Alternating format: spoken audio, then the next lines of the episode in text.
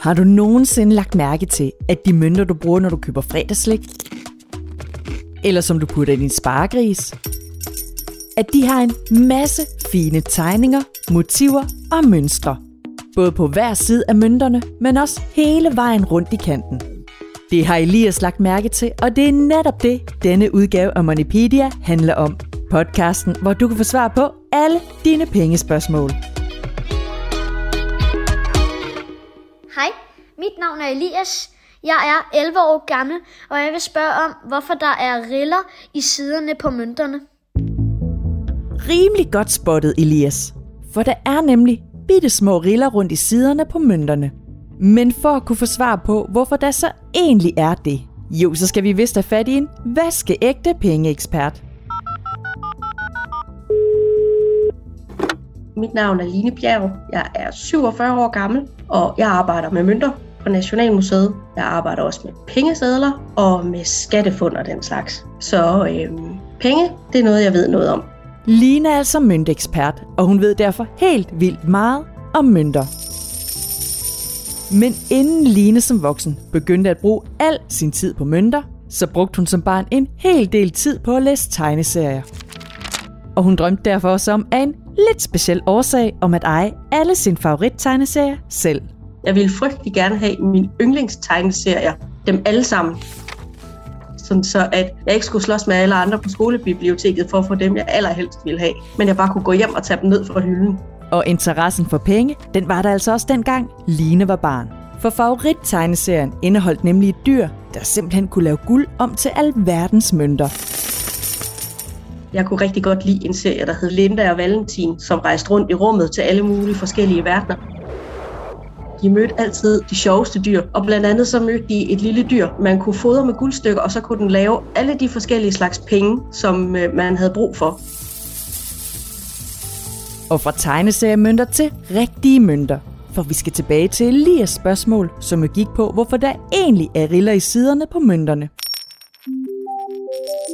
Det er faktisk et rigtig godt spørgsmål, hvorfor der er riller i siderne af mønterne. Det er simpelthen for at hjælpe dem, der er synshandicappede, så det er nemmere at se, hvad det er, man har fået fat i.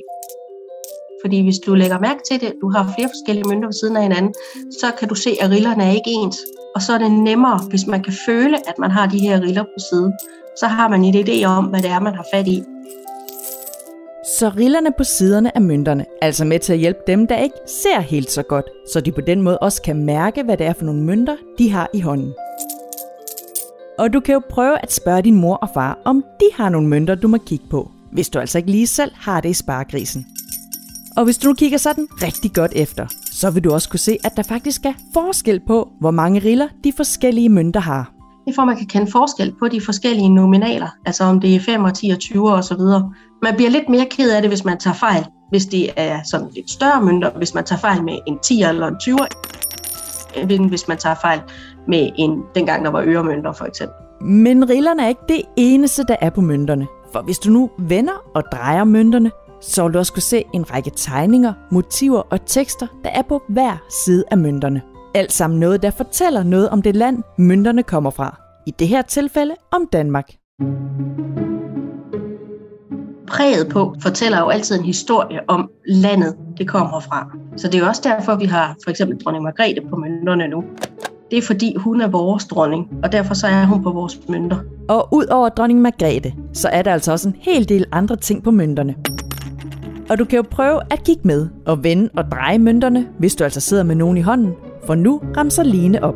Så vil der altid være en indskrift, som fortæller helst, hvem der er på mønten, og hvilket år den er fra. Og så står der, hvilken værdi den har, så man er sikker på, hvad det er, man har fat i. Og ellers, bortset fra det, jamen vi kan jo rigtig godt lide i Danmark at have de tre løver på. De tre løver er øh, løverne i det danske våbenskjold. Der har man tre løver, og så har de hjerter. Og hjerterne og løverne, de er på rigtig, rigtig mange danske mønter igennem tiden. Og et våbenskjold, det er altså sådan et slags symbol, der repræsenterer for eksempel et land. Nå, men apropos dronning Margrethe, så tænker du måske nu, hvad sker der egentlig med mønterne, når det på et tidspunkt ikke længere er dronningen, der er dronning, men kronprins Frederik, som er konge? Jo, det har Line, som jo er møntekspert, selvfølgelig også svaret på. Når dronningen på et tidspunkt dør, så skal der laves helt nye penge, fordi så skal det være Frederik, der skal på i stedet, altså vores kronprins. Men hvordan vil det så egentlig foregå, når man til den tid skal udskifte de mange, mange tusind Margrethe-mønter med mønter med billeder af kronprins Frederik? Man gør simpelthen det, at man udsteder en ny serie det år, hvor han kommer til. Så det øjeblik, han sidder som regent, så starter man en ny serie penge med hans portræt på i stedet. Og så vil man lige så stille fjerne Margrethe-mønterne fra cirkulation. Så vil sige, når de kommer ind til bankerne og så videre, så vil de blive sendt ind til Nationalbanken. Og så udskifter man lige så stille på den måde alle Margrethe-mønterne med Frederik-mønter. Så løver, hjerter, dronningen og andre fine mønstre altså det, der er på mønterne i dag.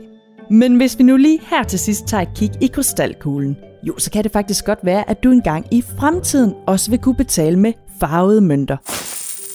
For eksempel når du er på ferie. Man begynder jo at, at få mere og mere teknik omkring mønter også. Øhm, og noget af det, man er begyndt på på de sidste år, det er, at man faktisk er begyndt at lægge farve på nogle af mønterne. Man gør det ikke lige på de danske, men der er for eksempel, jeg tror det er Papua Ny Guinea, jeg er ikke helt sikker. Øh, de laver sådan en meget, meget fin mønt, hvor der er en sommerfugl.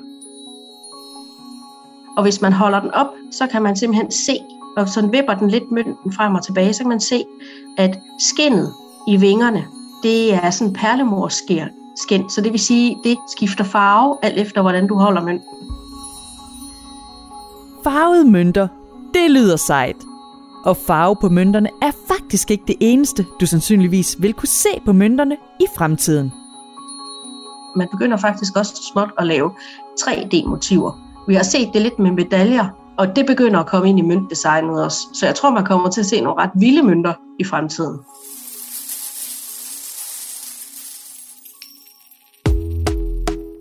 Så næste gang du får en 10'er, en 20'er eller nogle af de andre mønter i hånden i lommepenge, så kan du prøve at kigge lidt ekstra godt på dem for at se, hvilke billeder og motiver, der gemmer sig på mønterne.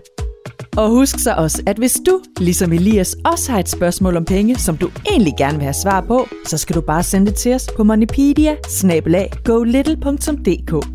Og du kan spørge om lige det, du vil. Hvad verdens dyreste sneaks er, hvad den rigeste YouTuber egentlig tjener, hvad prisen på en rumraket egentlig er, eller noget helt fjerde. For måske det så er lige præcis dit spørgsmål, jeg får en af eksperterne i min telefonbog til at svare på. Tak for nu, og tak fordi du lyttede. Podcasten er produceret af Go Little for Pengeskyen, Danske Banks familieunivers.